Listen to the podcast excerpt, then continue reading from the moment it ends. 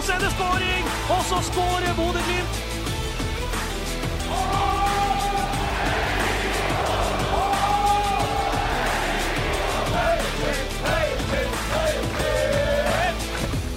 Riktig, riktig god dag og hjertelig velkommen til en ny utgave av Studieglimt-podden. En spesial denne gangen, får vi kalle det, for eh, vi har fått besøk av ingen ringere enn eh, Super-Tom, Tom Høgli. Velkommen. Ja, takk for det. Hvordan er det å være eh, tilbake i fotballmanesjen? Vi har jo sett litt av deg, men så aktiv nå er du ikke som du var før. Nei, jeg er ikke det. Jeg har vært i fotballen i, mange år, men alt i fjor og ja, gjør noe annet. Kjente at det var, var på tide å prøve litt nye ting. Så nå um, er vi i Arctic Race of Norway, og um, vi skal jo være i Bodø i 2024 som veldig mye annet i uh, Bodø 2024-året. Så, så, det blir bra. Så alltid hyggelig å være i, i Bodø. Du er ikke så aktiv som spiller lenger, men jeg vet du har latt deg imponere og fascinere av Trond Olsen. Du er veldig aktiv. Jeg var i hvert fall frem til, til nå. Så får vi se hva som skjer. Etter eh, Ja, eller i år. Jeg har ikke tatt en helt avgjørelse på om jeg eh, skal fortsette å spille, eller hva, hva jeg kommer til å gjøre. Døren er på gløtt for Værøy? Ja da, den er, den er åpen og den er lukka. Det, det, kommer og går, det. Det går litt fra dag til dag. Vi skal selvfølgelig snakke litt eh, mer om hva Tom har gjort siden sist, og vi skal selvfølgelig snakke det om det opplagte, nemlig alt som har skjedd mellom Tromsø og Glimt i vinter. Der har jo Tom litt erfaringer sjøl, så heng med.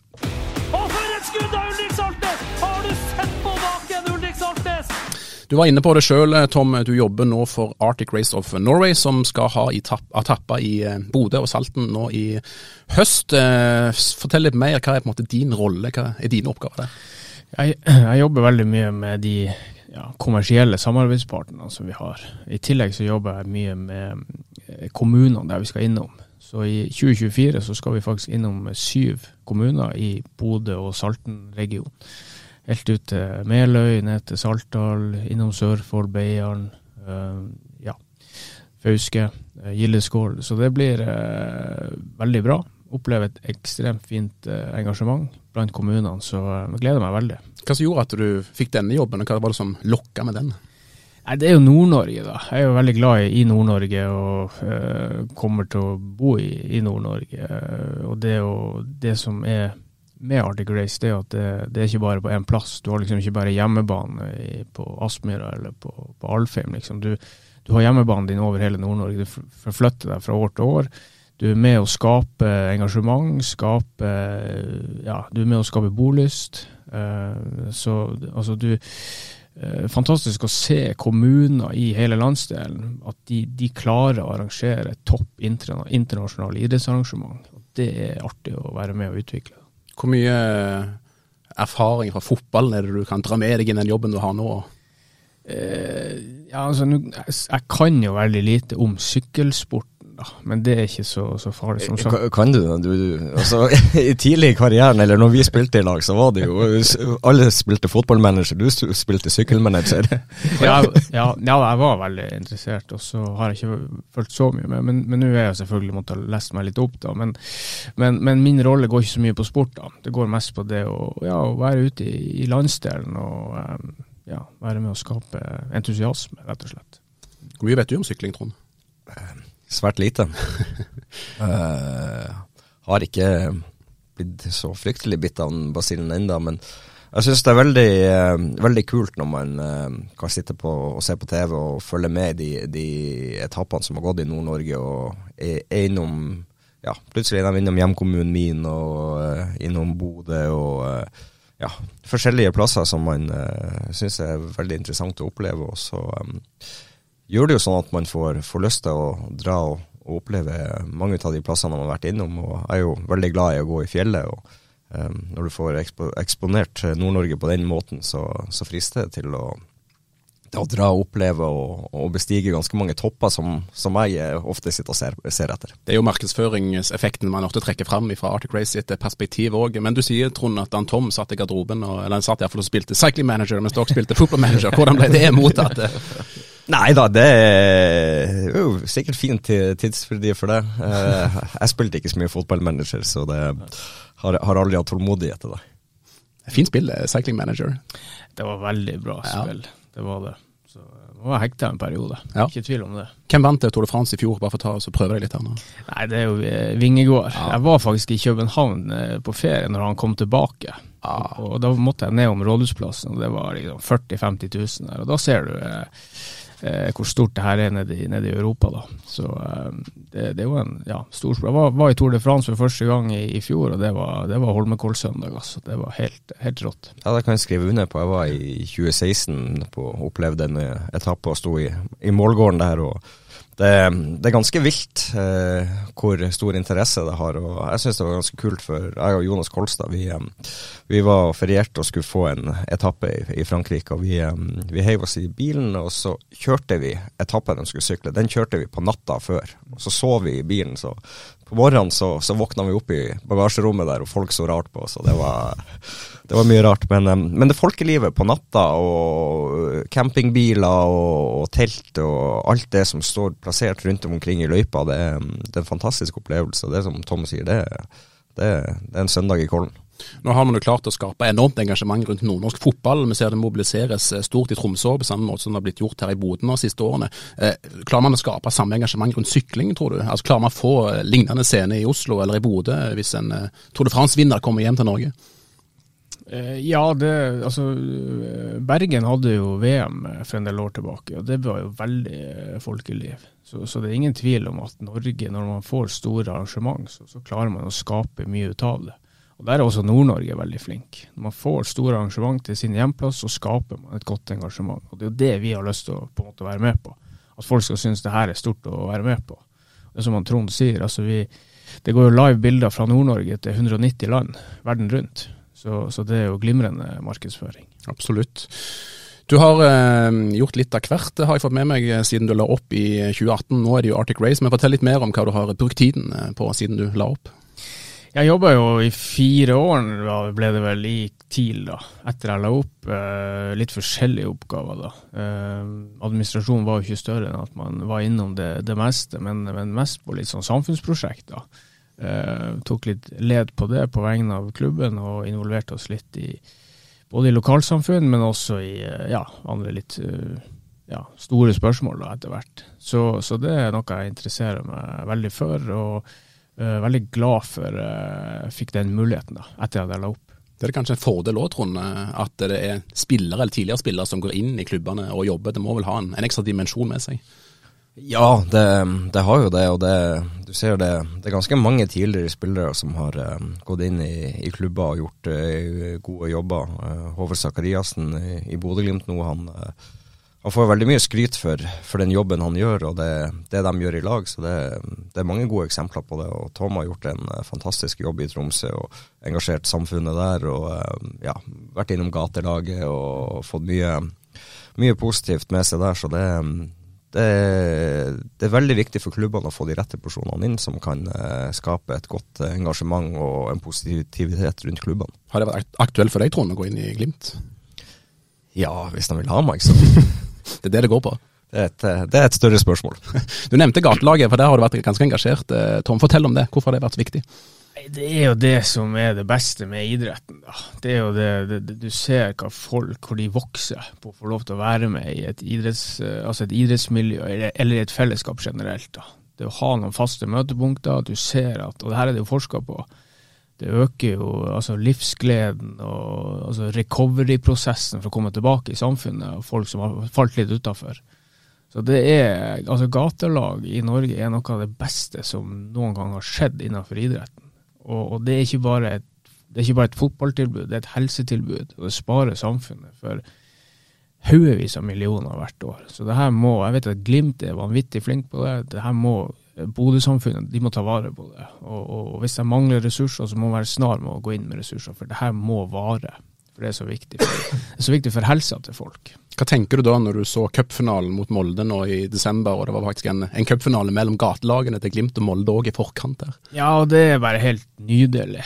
Og det er dit vi, vi må komme. Og der er jo TIL òg veldig flink, og Glimt òg veldig flink til å ta dem inn i klubben. Altså Det blir ikke bare et sånn sideprosjekt, det, det er en del av klubben. Og, og um, ja, Jeg tenker faktisk også å se innenfor forbindelse med Arctic Race, da, når vi, når vi kommer hit, så håper vi også å lage et lite opplegg med, med Glimtvis her i Bodø. Det håper vi å få til. Så, så nei, det, de gatelagene de må vi ta vare på. Er du fortsatt engasjert i, i det, i gatelag? Noe, har du noen aktiv rolle der? Nei, jeg har ingen. Jeg trekker meg helt ut av, av, av alt når jeg først skulle gå, gå, ut av klubben. Men jeg prøver å holde meg oppdatert og holde god kontakt både med, med klubb der oppe og de som jobber der. Så, så det gjør jeg. Jeg må spørre om det òg. Du har jobba med administrasjon i TIL og hadde mange forskjellige roller der. Hva med det sportslige? Har det vært aktuelt på et tidspunkt å gå inn og, jobbe mer med det? Jeg jobba litt med det i fy, altså det siste året mitt i klubben. Da var jeg litt involvert i, i A-laget der og, og hjalp litt til, da. Men jeg har ikke den interessen for treneryrket. Eh, det har jeg ikke. Jeg er trener for, jeg har jo to unger som spiller fotball, og der er jeg trener. Det syns jeg er fantastisk artig. Jeg har ingen ambisjoner som, som trener på, på, på, litt større nivå. Det har jeg ikke, og det tror jeg ikke jeg har kunnskap til heller. Det har noe med å se måten du ser fotball, du ser taktikk på. Er, jeg tror ikke jeg har den som skal til for å bli en uh, en Kjetil Knutsen eller Gaute Helstrup eller, eller, hva det skal være. Jeg har ikke den interessen, rett og slett. Kanskje bare gjøre det med trylleslag heller, Trond. Selv om du har spilt på et høyt nivå, så betyr ikke det at du blir en automatisk, automatisk god trener? Nei, du, det, det, er ikke noe automatikk i det. Og så må du være litt gæren i hodet.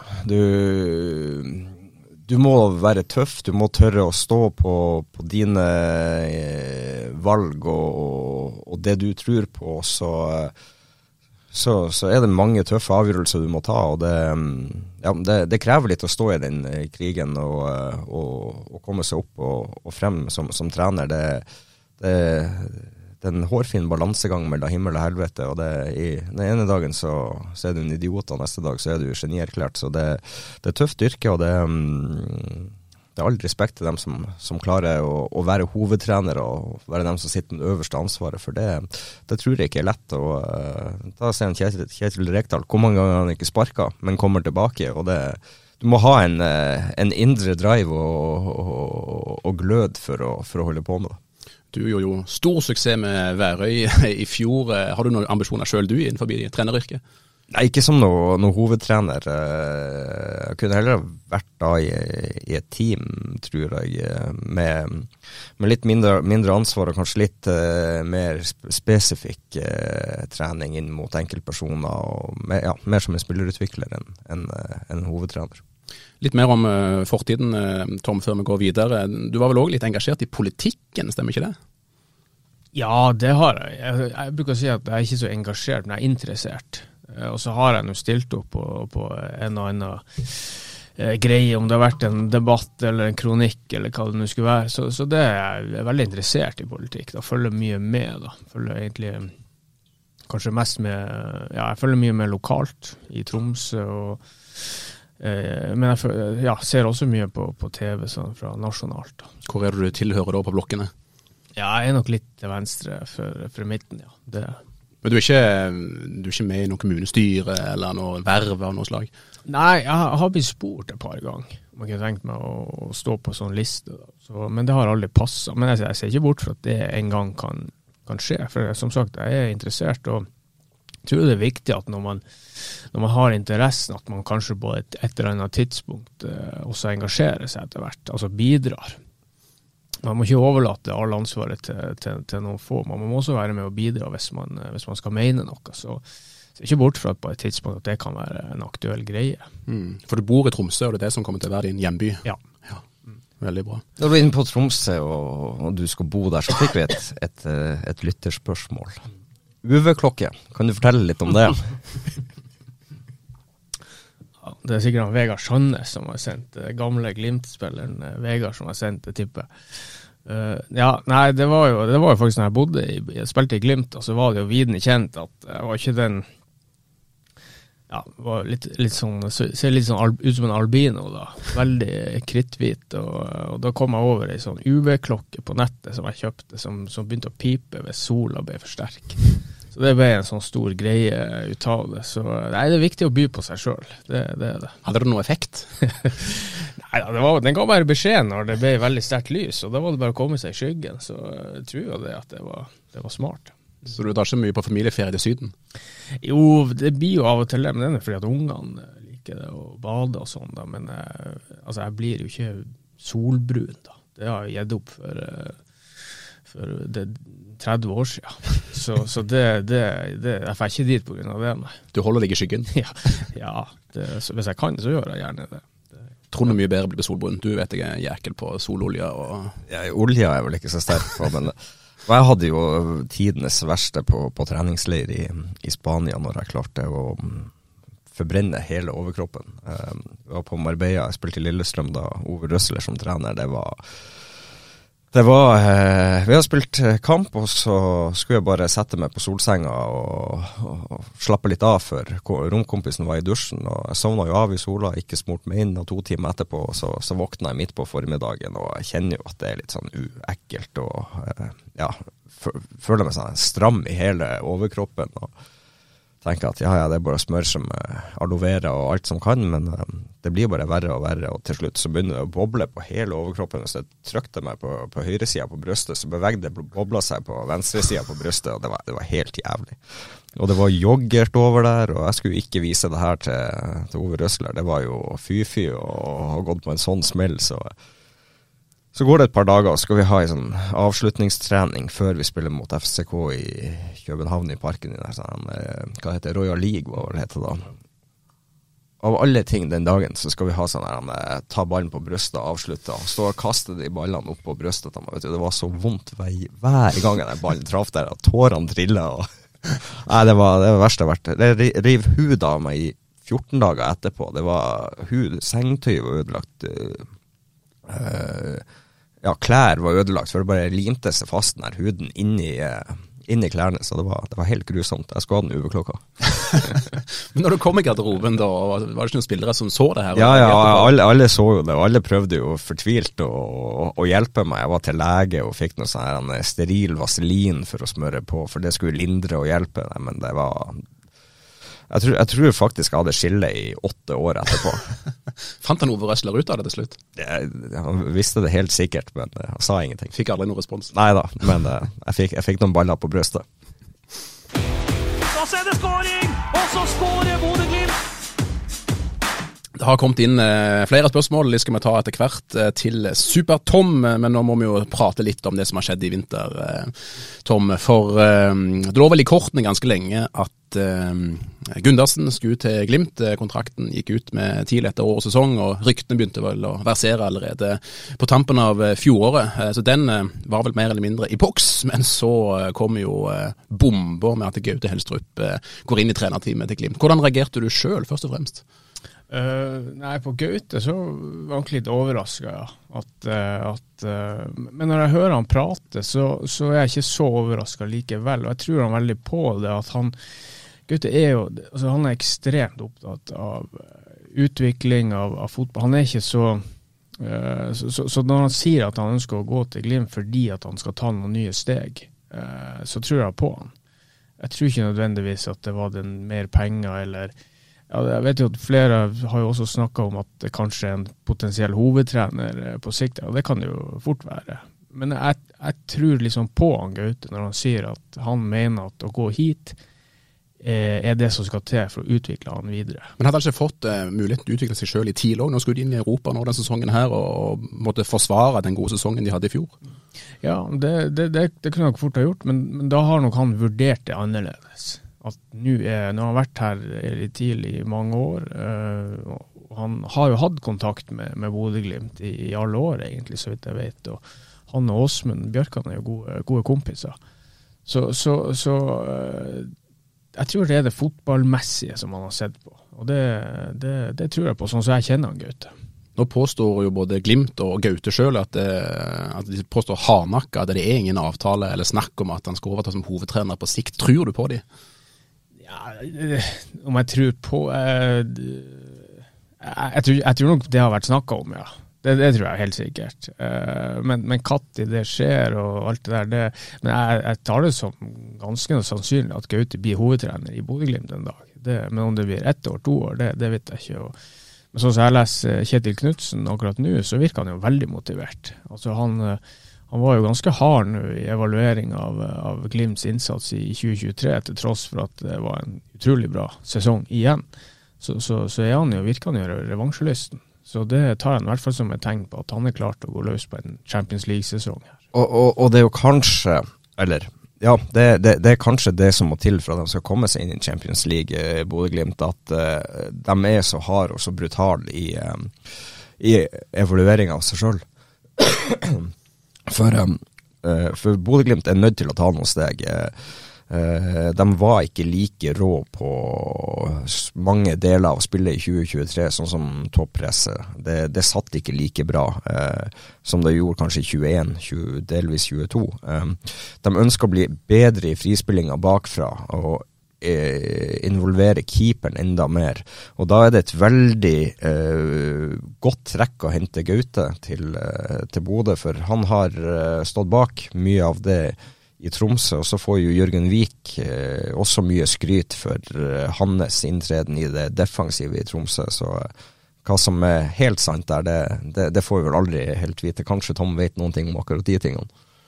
Altså, jeg vet at Jørgen og eh, også Ola Rismo har, har, eh, altså de har hatt en betydelig del av den jobben som er gjort. Eh, så, så, så jeg tror at, at altså TIL som klubb de skal klare seg fint. Jeg syns det er bra at de satser på, på, på Jørgen en, som en ung trener. Det er også viktig å gi talentfulle trenere sjansen, ikke bare spillere. Så, så, um, så, akkurat på den uh, Men jeg tror nok at Gaute han, uh, han, vet nok hva han skal gjøre når han kommer til, til, til Bodø. Han, han, har noen, noen prinsipper og sikkert noen, noen tydelige tanker om hva, hva, han mener kan gjøre Bodø-Glimt bedre. og Jeg tipper det er derfor Glimt også har henta han, for de ser at han har en, del, en kompetanse på, på, som de kanskje mangler i det, i det trenerteamet som, som, er der i dag. og hvis klart hvis hvis de begynner å få til det som Trond nå skisserer opp, så, så blir, blir, det vanskelig å, å hanskes med. Det er det ingen tvil om. Stakk det litt i tidlighjertet ditt da, når uh, suksesstreneren forlot til fordel for uh, hovedrivalen? Nei, altså jeg er jo den, en av de siste som skal, skal prate, om, prate om akkurat det der. Uh, Nei, vi, vi, kan jo begynne egentlig der. Hvordan, ja. um, hvordan var det, følte du det var når du gikk fra, fra Glimt til Tromsø? Det er, jo, det er jo et spørsmål kanskje mange lurer på ja, hvordan du ser på det, og hvorfor du gjorde de valgene? Nei, altså Det var jo ikke noe lett eh, valg. Jeg hadde det trygt og godt i, i Bodø, og hadde bodd der i, i mange år. Eh, det, altså Bodø-Glimt ga meg sjansen og ga meg tid. Altså når Trond var 17, så, så kom han inn og herja i Eliteserien. Jeg, jeg, var ikke i nærheten. Jeg husker jeg satt eh, på tribunen Eh, jeg, jeg, var nettopp kommet egentlig til Bodø, og da begynte Trond å komme inn i Eliteserien. Ja, vi, vi, kom jo samtidig til Bodø, det ja. må ikke glemme. Ja. Nei, men er tidslinja, det her er 2002 til 2006 du var i? Ja, vi, vi, kom sommeren 2001 til, til Bodø. Vi, vi, begynte i samme klasse på, på videregående. Vi var, gikk en sånn uh, fotballklasse. Vi var, hvor mange var vi? Seks-ni? Ja. Ja, ja vi, var, vi, var, en del gutter. Uh, sånn helt ærlig, Tom var ikke en av dem jeg hadde trodd skulle uh, nå lengst i, i fotballen når vi kom hit. Hvorfor det? Nei, beskjeden, stille, rolig gutt, og ja, eh, tok aldri liksom den, den store plassen. Eh, og plutselig kom han som ei kule og, og, ble den som fikk eh, den absolutt beste karrieren av oss, av oss alle. Og det, det, det, er ikke alltid det er dem som er mest frempå, eh, roper høyest, eller eh, ja, eh, som, som når lengst. Og, og Tom kom bare mer og mer, og for hvert år så så, så vi jo at han tok noen vanvittige steg. og uh, Han hadde kommet til å blitt en uh, veldig veldig god Bodø-Glimt-spiller, hadde han blitt. Men uh, han tok noen de valgene. Men du kan høre mer på Tom. Ja, altså, det, det det så Poenget mitt var altså, Trond kom inn da han var 17 og kom inn og herja Eliteserien. Og da tenkte jeg det jeg kommer aldri i verden til å, til å komme dit. Men så ga jo Bodø-Glimt meg muligheten. Jeg fikk, jeg fikk tid. Det, all, altså, all ære til dem for det. Eh, og så begynte det å, å løsne, og så begynte jeg å spille. Og så kom vi opp i eh, etter hvert i ja, 2006. Da, eh, da spilte vi førstedivisjon. Og, og la ned et vanvittig Vi rykka ned i 2005, la ned et vanvittig arbeid for å prestere i 2006. Og så er det den ja, det er min svakeste sesong i min karriere, vil jeg si, fordi at det var så ujevnt. Altså Min karriere er egentlig bygd på å være uh, jevn ingenting sånn spektakulært. Det er ingen som betaler billett for å komme og se, egentlig se Tom Høgli spille fotball, men, men de vet i hvert fall hva de får. Noe, altså jeg prøver å være solid, ha et, et høyt bunnivå. Mens i 2006 så var det veldig opp og ned. Uh, og jeg var veldig skuffa, uh, og jeg følte at uh, Og da begynte de her tankene å komme. Bør jeg nå utfordre meg sjøl litt? gå litt bort fra det trygge, og kanskje noen nye eh, ideer, noen nye stemmer, kan det føre til at jeg får ut enda litt mer som jeg håper jeg har inne. Eh, og da begynte litt sånn den, de prosessene, og, og eh, ja, da, da kom TIL, på banen, og, og det endte til slutt med at, jeg valgte å gjøre det. Da. Men, men, det var ikke noe lett valg. Hadde det veldig fint, men, men jeg følte at det var det Altså, det, det var det magefølelsen sa. Um, så, så det, det, det, var nå sånn, sånn, det ble den gangen. Og jeg tror jo uh, Ja, jeg kunne sikkert ha blitt en, en, en, bra spiller også i, i Bodø-Glimt, men jeg tror på det tidspunktet så var det det rette for Glimt, og det var det rette for, for meg å gjøre. Det var vel et steg opp òg på den tida der, til TIL? Det var vel TIL storebror? Ja, altså TIL var jo da i Eliteserien. Så, så, det er klart at det, det trigga jo selvfølgelig også. Nå røkka jo Glimt opp året etter, når jeg var dratt. De, de røkka jo opp da. Så, men, men du, hvis jeg ikke husker feil, du, det var jo litt ut i 2007 på ja. vinteren at du dro? Jeg dro i mars, ja. uh, så, så, det dro ut, og klubbene ja, ble Nesten rett før seriestart, egentlig. Ja. Klubbene ble først ikke enige, og så ja. Og, så, og det er klart, det, er, det her er vanskelige beslutninger. Og da husker jeg han Ernst Pedersen, som var daglig leder, han til slutt så sa han bare at nå har vi fått et bud på det, vi, for oss er det ok eh, nå må du bestemme deg. Enten signerer du ny kontrakt, eller så går du til Tromsø. Og det var bra lederskap. fordi det satte meg i en, en sånn. Nå må du ta et valg. For det, det, her er vanskelig. Det er ikke lett å ta sånne valg. Eh, og det tror jeg er eh, ikke så lett for alle. Og, altså, det, det, er lett å sitte på utsida og, og, og, dømme en fotballspiller for de valgene man tar. Vi skal forstå at det er ufattelig vanskelig. Eh, og det er mange tanker i sving, og du veier for og imot. Du tar en, en Jostein Gundersen f.eks. Han har sikkert ikke hatt noen fin jul. Fordi at han, han har stått i en skvis mellom, mellom, veldig mye her. Da. Men så tror jeg at, at det, er det, det, det, man bør gjøre som fotballspiller. Det er å lytte til det magefølelsen sier. Du, du, må ikke være en plass fordi at alle andre vil du skal være der. Du, du, må, du må følge din egen magefølelse. Og hvis du snur på det, så tror jeg for TIL sin del, å ha en Jostein f.eks., eller en Gaute, som kanskje hadde mest lyst til å være en annen plass. Eh, det tror jeg ikke hadde blitt så bra. Så, så jeg tror at, at, du må bare være litt Man må bare være litt ærlig med seg sjøl, og så må man ta de valgene som man føler er rett der og da. Og så handler det litt om det her med å ta ansvar for sin egen karriere. Og ja, eh, Tom gjorde jo det på, på det tidspunktet. Han, eh, han, måtte ta et valg. Han måtte ta, ta et valg og, og, ha trua på hva som ville gjøre han til en bedre fotballspiller. og da da er det klart at det, det var et valg som uh, var uforståelig for meg på den tida, for jeg ble ganske forbanna for at han gjorde det. For, for, for, for min del så, så, var Tom en viktig spiller for oss. Han var kapteinen vår da. Og uh, han skulle være den som skulle hjelpe oss opp i, i, i Eliteserien igjen. Um, Sa du det til han at du var forbanna? Nei, jeg tror han skjønte det. Jeg var ikke jeg ga han ikke et godt råd om å skulle dra til Tromsø, da. Hva sa han, Trond? Nei, hva som ble sagt, det husker jeg faktisk ikke. Nei. Jeg husker han Trond han fyrte, han fyrte, litt opp i media før, når jeg kom til først, Jeg tror det var, det var, det var da du skåret på det frisparket i 2008, 2008 16. mai-kampen. For Det var første gang jeg skulle tilbake til Aspmyra i ordentlig kamp. Og da husker jeg han, han fyrte opp stemninga litt i media. da. Og det var, eh, det var Og det, og det syns jeg for så vidt er artig. Altså Det syns jeg er artig. Eller ikke artig, men, men det, det, sånn skal det være. Vi må bare passe på at det ikke bikker over, sånn som jeg ser tendenser til sånn, I dag. Ja, i dag, ja. ja. Så når jeg gikk, så var det ikke noen sosiale medier. Jeg fikk noen meldinger, og du ble ropt etter på tribunen, og sånn skal det være. Men, men ikke, du, du, ser litt på sosiale medier i dag at det, det bikker over av og til. Og der må vi være litt forsiktige, for du vet aldri egentlig hva en fotballspiller står i, av tanker. Jeg vil bare nevne at den siste undersøkelsen som ble gjort blant eliteseriespillere, altså fire av ti eh, har toucha innom angst og depresjon eh, de siste seks månedene. Det er den siste undersøkelsen som er gjort. Så, så, så, det å oppføre seg litt, ha litt sånn stil på det, tror jeg er viktig. Og det tror jeg vi alle må, må huske på selv når sånne her type overganger skjer, som er spektakulært. Ingen tvil om det. Det kan jo for enkelte være ganske lett å forstå akkurat det, at man rett skal være snill og grei med hverandre. Men hva, hva, er det som gjør at det, at det, bikker over? Hva er det som gjør at folk tar til tastaturet og, og, spyr ut alt det her mot enkeltpersoner? Det er jo lettvint. Så, så det, er jo, det, er jo, det å ha Altså, det, Du kan være litt anonym, og, og du, du er i en stor masse der inne. Eh, der du, du blir liksom ikke stilt til ansvar for, for uh, Og igjen, eh, vi må ha humor, vi må ha litt fyring, vi må, vi må tørre å utfordre hverandre og kritisere hverandre. Men den her oppførselen som, som vi på en måte vi lærer ungene våre at du må argumentere, du må respektere, du må sette deg inn i andre sine perspektiv. Og så er vi voksne kanskje de dårligste på det på, på sosiale medier.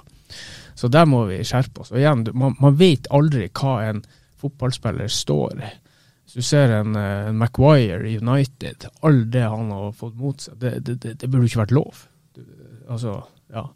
Så en, en, fotballspiller som bare gjør sitt beste. Så, så der, der, må vi, eh, der må vi jo skjerpe oss litt, da. Men, men igjen, jeg tar ikke bort det for alt den Det må være litt sånn fyring. Det, det, det absolutt. Der har jo Ulrik Saltnes vært veldig åpen, Trond, om at han har rett og slett bare sletta alt av sosiale medier. For han, han gidder ikke mer. Er det, er det det som må til, og er det egentlig rett?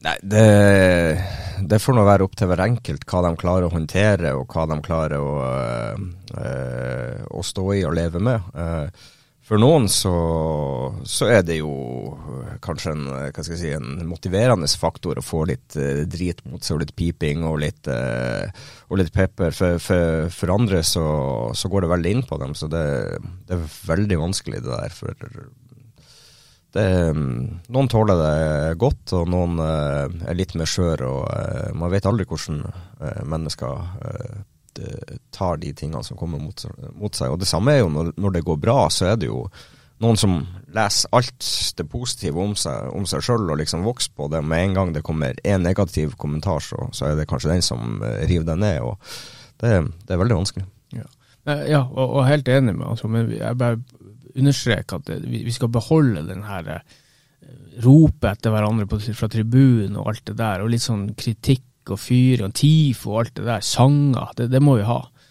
Men, men det er den gjentagende hetsen, f.eks. av en Personhetsen. Ja, ja som, som, ikke har noe med selve spilleren å gjøre. Altså, du går på person, om det er en politiker, om det er en fotballspiller, eller, eller noen som bare har vært litt uheldig med en kommentar eller et eller annet. Ja, Nå ble det jo veldig stort, det her, da, men, men der, der, må vi tenke oss litt om, da. Så, så sånn som en, en, en Jostein altså, Han har nok hatt det jækla tøft i jula han skulle ta et valg, og han visste at det her kom til å bli veldig, men så har han måttet følt over seg sjøl. Jeg, jeg, jeg, må gå til Glimt. Det er der det passer best for meg. Og det, det er det kun Jostein Gundersen som kan sette seg inn i. Men vi andre må prøve. Vi må rett bare prøve å se for oss det, det, det, vanskelige valget han har tatt. Men det er klart, han, han må pipes på når han kommer opp til, til Alfheim, han må rope seg etter. Alt det der må vi ha. Men, men det er den her eh, Vi må holde litt stil på det. Og så er det litt for mange som tror at det bare er snakk om penger. At det, det, er kun at han får bedre betalt. Det er derfor han går til Bodø øh, og, og, Glimt. Øh, og der, det er jo der veldig, veldig veldig mange tar øh, kraftig feil. For ja, mest sannsynlig så er det en bedre økonomisk pakke og et bedre tilbud i det. Men det er jo det sportslige. Hvis du ser de fem siste sesongene til, til Glimt, så har de ikke blitt dårligere enn nummer to. De er ute i Europa hvert år. Eh, de skal spille Champions League-kvalik til, eh, til sommeren-høsten. Eh, så dette er et ekstremt spennende år for Bodø-Glimt. Og det, det er en utvikling ganske mange spillere har lyst til å, å være med på, og, og, en reise de har lyst til å prøve. og hvis det ikke er det rette klubb, ja, klubben og tilbudet kommer fra utlandet, så, så er jo Bodø-Glimt det ja, heteste du får i, i Norge per, per dags dato. Men det er jo ikke bare supportere av folk sosiale medier som går knallhardt ut. altså Til og med en Ruber Yttergård Jensen påstår jo at kan han sier til i Tromsø viser bare at du kan kjøpe hans integritet, sa han til, til Tromsø-avisa når, eh, når Gundersen gikk. Hva tenker du når du ser sånne kommentarer? Nei, altså Ruben kjenner en veldig god kompis, så, så han, uh, han, gjør jo på en måte en, en kaptein så gjør han går ut på vegne av, vegne av klubben og ja. Men det er innafor? Er det en, en grei kommentar å gi? Ja, jeg, jeg jeg, jeg, syns ikke den er så ille. Jeg, jeg syns den uh, Den må man leve med. Men uh, det er ganske mange andre ting som er mye verre enn akkurat det. For det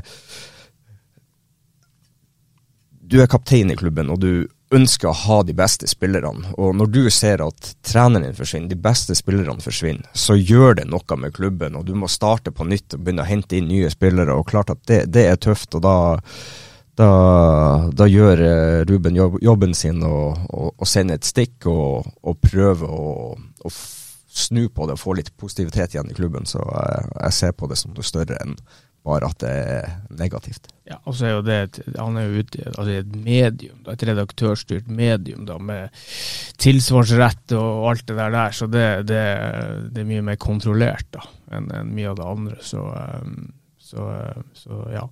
Ruben har, uh, han, han har jo, Ruben har jo et hjerte i TIL, og uh, har nok kjent på det i, i jula han også, eller på nyåret her, at det har nok stukket litt for, for han også. Det, det er jeg ganske sikker på. Det var dråpen. Først var det Espejord, og så var det Bassi, og så kom de her to siste.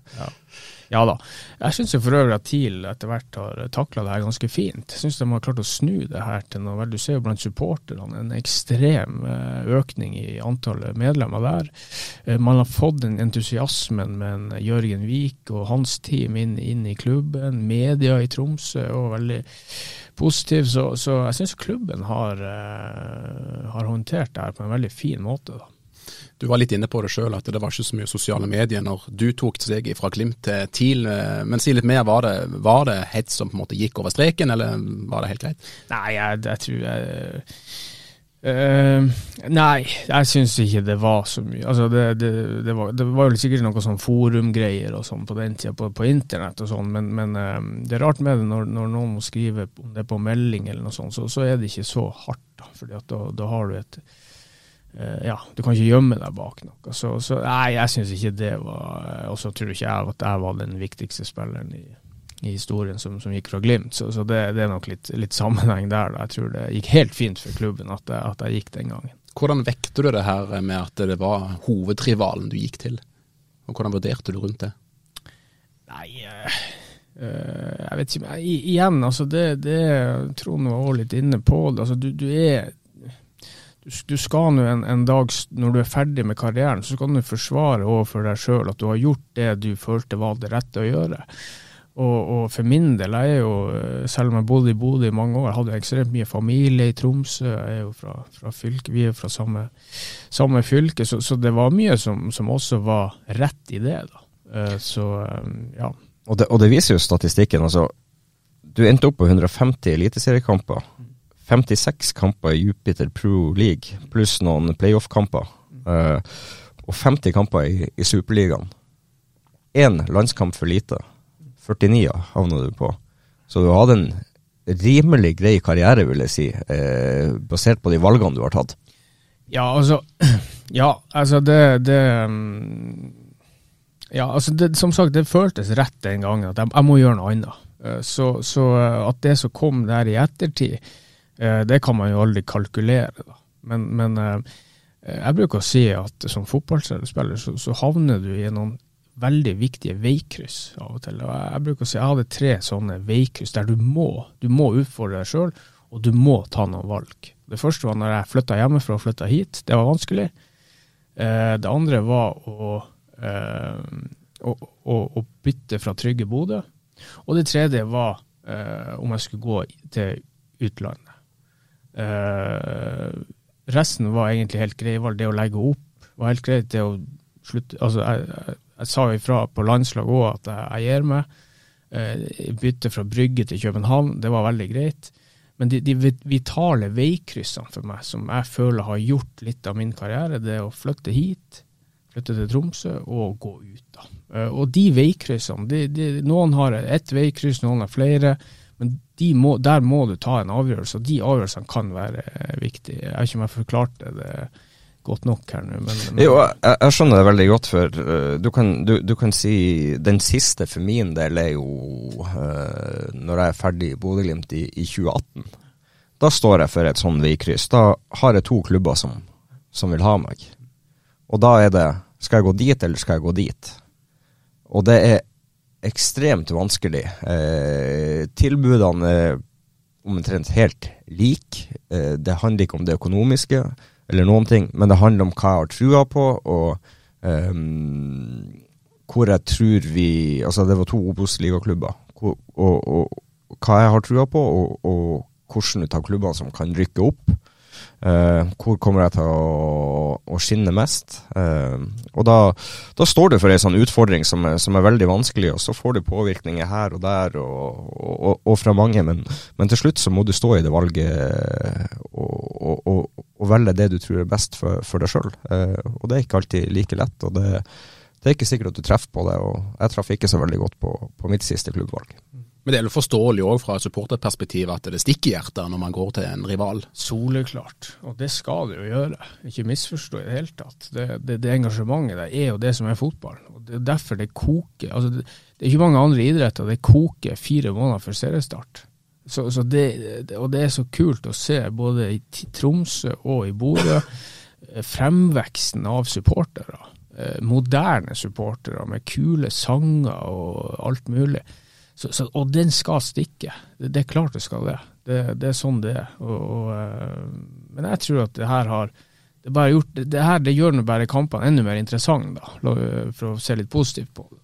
Tenk når Gaute og Jostein kommer tilbake til Romsdal for første gang. Ja, det, og, det, og da, da, skal Tromsø-fansen De skal, de skal altså holdt, holdt på å si, sette fyr på den stadion der. For det, det skal koke der, og det skal gjøre vondt for dem. og uh, Um, jeg så uh, Jostein nå her om dagen, han kødda litt med med, med, med Espejord. Uh, når han var første gang tilbake i, i Tromsø som Glimt-spiller, så, så, ble han bytta ut til, til, pause. ikke sant? Så det, det, er klart at det kommer til å bli en, uh, en tøff kamp for uh, ja, Gaute, som står nå bare på sidelinja, men hvis Jostein starter den, han kommer til å få et massivt trykk mot seg, og det, det kommer til å bli en mental utfordring.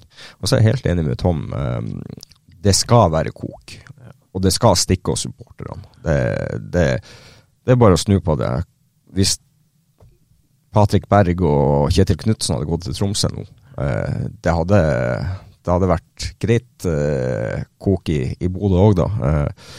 Og så er det, det er klart at klubbene er alltid der, og supporterne tilhører en klubb. Men spillerne har en karriere, og det er litt det her med å ta ansvar for sin egen karriere og, og ta de valgene. Og så, så havner du noen gang i, i, ting som blir veldig kontroversielt. Og Jeg bruker å si det at ja, ok, eh, nå har vi sendt fra, fra Bodø tre stykk til Japan. Uh, Ola Solbakken har havna der nå. Uh, Kasper Junker er der. Og Morten Kalvenes er der. Marius Høybråten? Uh, ja, Marius Høybråten òg, ja. ja. Det var vel kanskje det. Lode seg vel. Ja.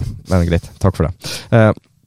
og folk sier at det er en ned, altså det å gå ned i karrieren. Nei, det er ikke det. Altså, å gå til Japan, den profesjonaliteten som er der nede, er så vanvittig høy. Du spiller i den asiatiske Champions League. Den klubben vant Champions League i Asia.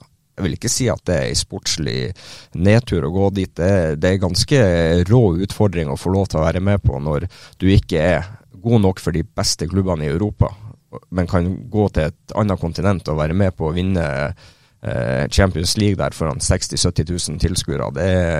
Man må klare å se litt større på det. Og så er det noe med, En ting er at det er en sportslig utfordring og utvikling, og sånn, men det er jo noe med det menneskelige òg. Altså, Ole Selnes i Rosenborg har vel eh, vært veldig åpen om at de årene han og kona hadde i, i, Kina, er jo kanskje noe av de beste minnene de har som mennesker. Så det er jo en, en dimensjon, det òg. Ja, det, det, og det er kjempeviktig poeng. Vi har bodd i Belgia og i København, og, og de, de, vennene man får utafor fotballen og de, eh, sånn som vi, vi fødte jo en unge i Belgia og en i, København. Bare det å være med på sånn i barnehage og alt det der. Så det er uten tvil. Altså, det bruker jeg si til, til, til spillere som spør meg har du muligheten til å gå til en klubb i utlandet, så, så gjør det også av den grunn av at du får så mye med i bagasjen til seinere i livet det å lære seg å bo andre plasser og lære andre kulturer, det, det, det er helt nydelig.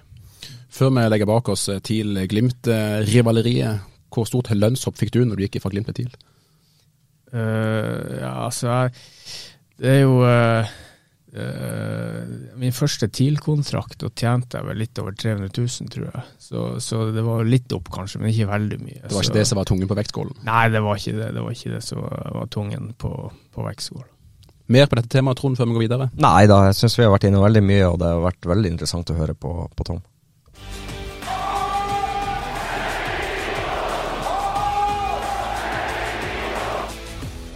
Vi må snakke litt mer om karrieren din, Tom, når du først er på besøk. Hyggelig som det er, for Trond var inne på det. Du mangla én landskamp for å bikke 50, men det mangler vel ikke på høydepunktet derifra. Jeg personlig og med mange andre lurer jo veldig mye på dette Ronaldo-møtet i 2011.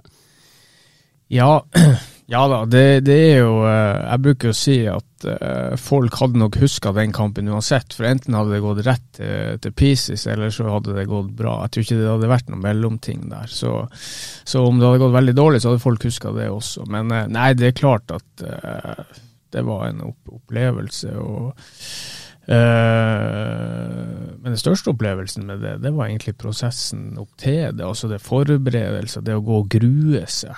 Kjenne på den følelsen. og Er man god nok til det her? Ja, men det her var tidlig i din landslagskarriere? Ja, det var jo ganske tidlig. Det var i 2011. Jeg Kom vel inn i 2008 første gang. Så, så det, men, men, bare det å gå og forberede seg, det er det jeg lærte mest av.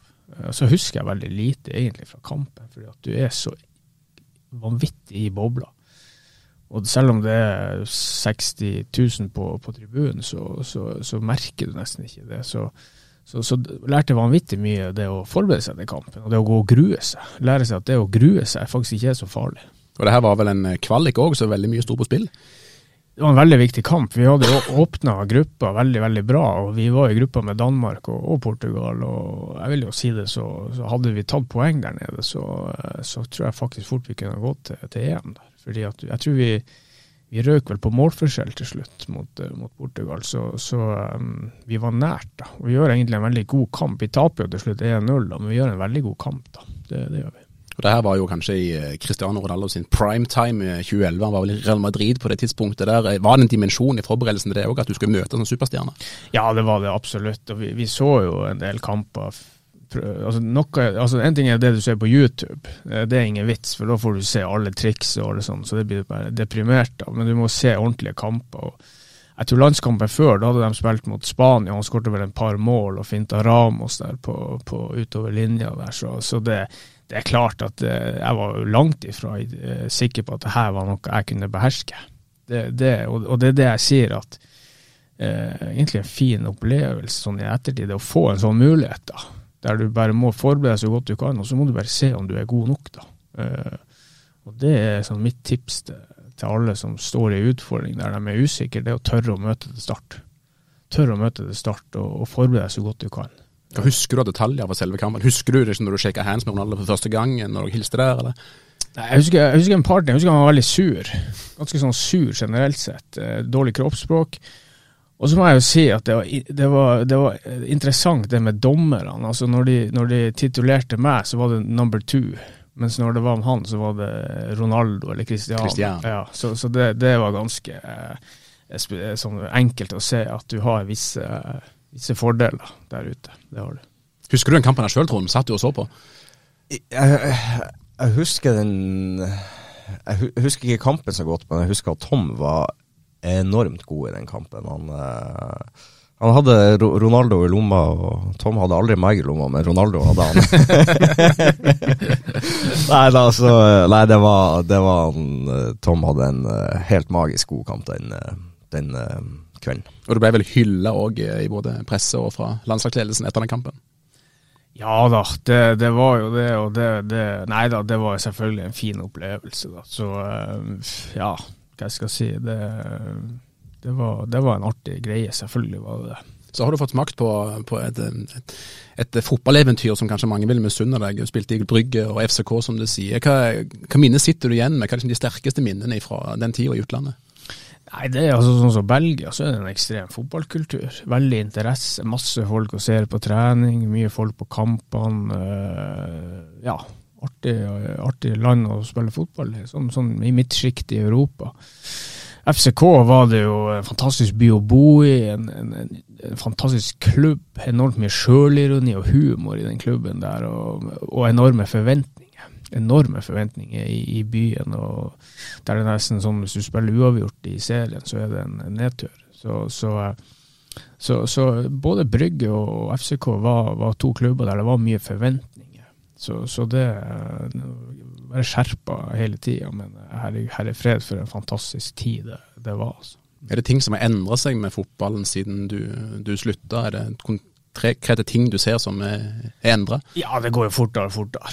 Du ser jo det. Eh, spillerne blir mer og mer atletiske. Eh, altså, fotballspillerne på toppnivå i dag er jo noe av de best trente idrettsutøverne som finnes. Altså, det er allsidighet. Du må være god i så veldig mye. Du må ha hurtighet og spenst og styrke og taktisk klokskap. Altså, fotball er et komplekst spill. Så, så det, det, jeg syns jeg ser det fra sesong til sesong, at det går bare fortere og fortere. Livsstil og sånn, det blir mer og mer sånn ja. 24-timers utøvere, som man kaller det? Ja, enorm. Jeg leste en bok om, om Liverpool og deres regime på, på kosthold, og det, det, de bruker så mye ressurser på det. At, at, at, hver enkelt spiller, ikke bare sånn at alle får bra mat, men hver enkelt spiller får tilpassa kostholdet til om du spiller, om du er skada, eh, om du sitter på benken. Så det, det her er fascinerende. Det må jo være eh, fint for nordnorske spillere òg å se Trond, at det er mulig. Det er mulig å lykkes når du er fra Nord-Norge. Tom er et konkret eksempel på det, med masse eksempler eh, i dag òg. Hvor viktig er det på en måte at man har sånne rollefigurer som det er i Glimt nå, som viser at det går an å lykkes, selv om du kommer fra en liten plass i Nord-Norge? Det er veldig viktig, for det, det, det, handler jo veldig om interessen for det. Og, og derfor mener jeg jo at uh, både Bodø-Glimt sin suksess over flere år, og at Tromsø også kommer litt etter å, og ha gode resultater nå, det, det vil få betydning for uh, nordnorsk fotball. Og um, forhåpentligvis få frem en del uh, talenter fordi at unge gutter ser at det er mulig, og det, du får mulighetene i klubben hvis du brenner nok for å, å, gjøre den innsatsen som kreves. Du trenger ikke å være den beste når du er 10-12-13 år, men du må ha den indre driven og den gleden og ha lyst til å hver dag gå på trening eller trene for å bli bedre og ta de rette stegene. Og, uh, man, man, kan stå så mye man vil på, på, på feltet og mase uh, på, på, folk, uh, men du blir ikke bedre hvis du ikke har den driven sjøl. For det, det er til syvende og sist du sjøl som menneske som må ta de rette valgene for å ta de, de neste stegene hele tida. Så kan alle andre gi deg verktøyene for å bli bedre, men du som person må, må ta det, de stegene sjøl. Så det er et viktig poeng som du sier òg. Du observerte sjøl eh, Tommy tidlig i karrieren når du kom til Bodø begge to, at du, du trodde ikke at han skulle bli så god som han ble. så Man trenger ikke være kjempegod når man er veldig ung.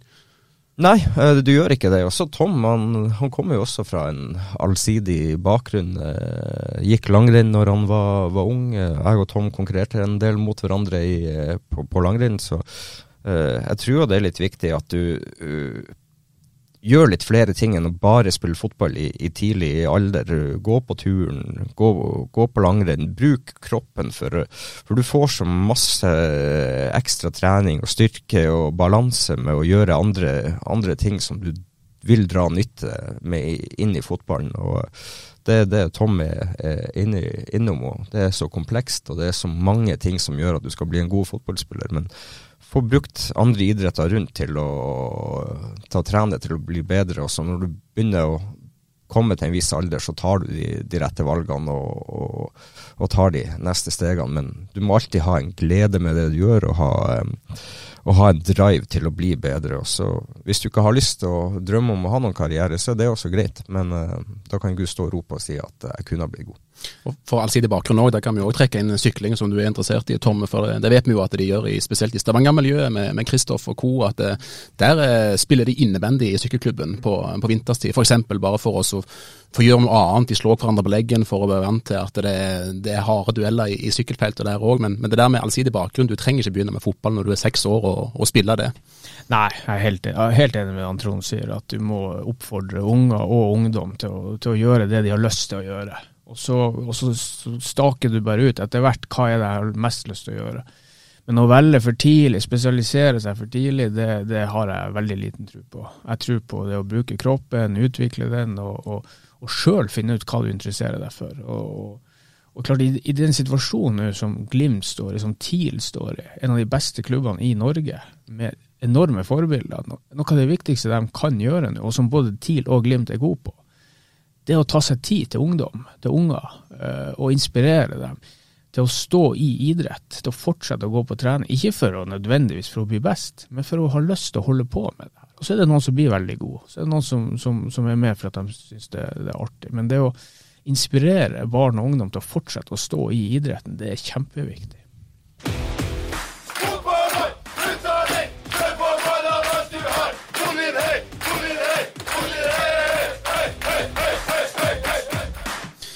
Skal etter hvert begynne å gå inn for landing, men vi må ta med noen av de spørsmålene som har kommet inn fra våre trofaste lyttere. Aller først som, eh, så lurer Stein Roar Slåtterøy på, Tom. Hei Super-Tom, utrolig karriere. Din beste kamp for Glimt og Norge? Ja, Eh, ja Norge, så, så selv om den Portugal-kampen var, var kul, så vil jeg si det var mot, hjemme mot Skottland i 2009, 4-0. Da syns jeg det meste stemte, så det vil jeg nesten si det. For Glimt så er det ikke så lett å si sånn forstå sånn. Eh, jeg debuterte jo, det er jo litt sånn artig, jeg debuterte jo i Tippeligaen, som det da het. eh, fra start faktisk på Aspmyra 16. mai mot Tromsø i 2004. Og da leda jeg jo TIL serien. da, Gamsten og, og Års derfra. Men da spilte jeg faktisk høyre back. Så eh, jeg tror det er den kampen jeg husker mest fra Glimt. Glimt-tida. Martin Olaf lurer på, et stort spørsmål egentlig. Eh, Har du bestemt deg for eller mot Qatar? Jeg er veldig mot, eh, mot VM der og i VM i Saudi-Arabia. Så eh, det er òg et, et, veldig, veldig stort eh, spørsmål. Jeg er veldig mot det. Men jeg satte jo et utvalg som jobba fram en del punkter som, som, jeg tror kan bli veldig bra, og som kan gjøre at hvis vi jobber videre med de punktene, så er Norge i front på det som går på, på idrettspolitikk. Da. Så veldig mot, veldig mot VM i de, de, landene der, men jeg er også veldig for at vi skal jobbe for de punktene som ble vedtatt på fotballtinget på ja, nå er det et par år siden, faktisk. Der er du engasjert? Ja, jeg har vært veldig engasjert i det. Det har jeg vært engasjert i siden 2013-2014. Med jevne, jevne mellomrom. Så, så, det var, jeg brukte mye tid på det for noen, for noen år siden her nå, og Norge brukte òg mye tid på det. og det, der har det òg vært veldig sånn uh, ja, steile fronter, og, og, uh, men jeg tror vi alle er enige om at vi, det, det, vi alle ønsker, det er at folk skal ha det bra. De som jobber med, her, med, med VM, at de skal ha det bra. Og så kan det være at virkemidlene da er litt, litt ulike på det. Siste spørsmål fra en ikke navngitt innsender. Hvordan vil du kommentere at du er verdens hyggeligste fyr, men verdens dårligste taper? Uh, nei, men altså, det er jo uh, Du må jo sette ting i en kontekst. Da. Hvis du er en god taper, så er jo ikke det heller så bra. Hvis du er vel å merke da, kanskje i idretten. Da. Så uh, ja, det var jo et stort spørsmål. Nei, jeg prøver å oppføre meg bra. Jeg gjør det, og prøver å ja, være en, en, type som folk har lyst til å være lag med. Også, men det er klart, når du konkurrerer, så er det noe annet. Det, da er det noe annet. Da, da, må du prøve å legge fra deg litt der. Så ja, Håper det var et greit svar. Kjenner du igjen i påstanden, Trond? Er han verdens hyggeligste fyr med verdens dårligste taper? Jeg har ikke spilt så mye om mange andre spiller mot Tom, så, så, så, jeg vet faktisk ikke det. Den kan jeg ikke svare på. Eh, det jeg egentlig mest lurer på, hvordan er ditt forhold til spray, spraytan? Føler det var noe underliggende her, for å høre. Ja, det er jo litt tilbake til det stedet med den UV-klokka. og Da fant vi ut, jeg tror det var Jonas Kolstad, før vi skulle på en treningsleir til La Manga i 2000 og et eller annet, at uh, vi må gjøre litt sånn, vi må tulle litt her nå. Så vi booka en time hos, uh, her i byen, og så fikk jeg sånn spraytan. Og Det var jækla bra. Så jeg møtte opp på flyplassen sånn solbrun og fin. Men det problemet er jo at du trener to økter om dagen og du dusjer to ganger, og da, da flasser det jo av. Da. Så det så to dager etterpå så var jeg den hviteste igjen. Fins det bilder der? Jeg håper ikke det. Men, men det, det kan... du, du, må høre med Freddy og Stian, de har, de har sikkert noe i arkivet. Men, men det, det, som er så artig der altså, Tom er den eneste mannen jeg har sett som har foren til Amanga Manga på treningsleir og blitt hvitere i løpet av oppholdet. Ja, Fantastisk. Har du flere gode spørsmål på lur? Nei, jeg tror det var det. Vi, eh, vi, må dessverre sende Tom videre nå. Vi skulle gjerne hatt han lengre her, men um, tida vår eh, begynner å bikke ut med han. Det gjør han. Utrolig hyggelig å ha deg på besøk. Tom, lykke til med Arctic Race og, og alt som skal skje i 2024. Takk for det, og hyggelig å være her. Det må jeg bare si. Så stå på med podkast og alt. så ja. Du er en fast lytter òg, hører jeg ryktene? Jeg, jeg lytter, ja. Veldig godt å høre. Tusen takk til dere andre lyttere òg som er så trofaste. Vi er tilbake med en ny pod eh, om litt. Ha en riktig god dag så lenge.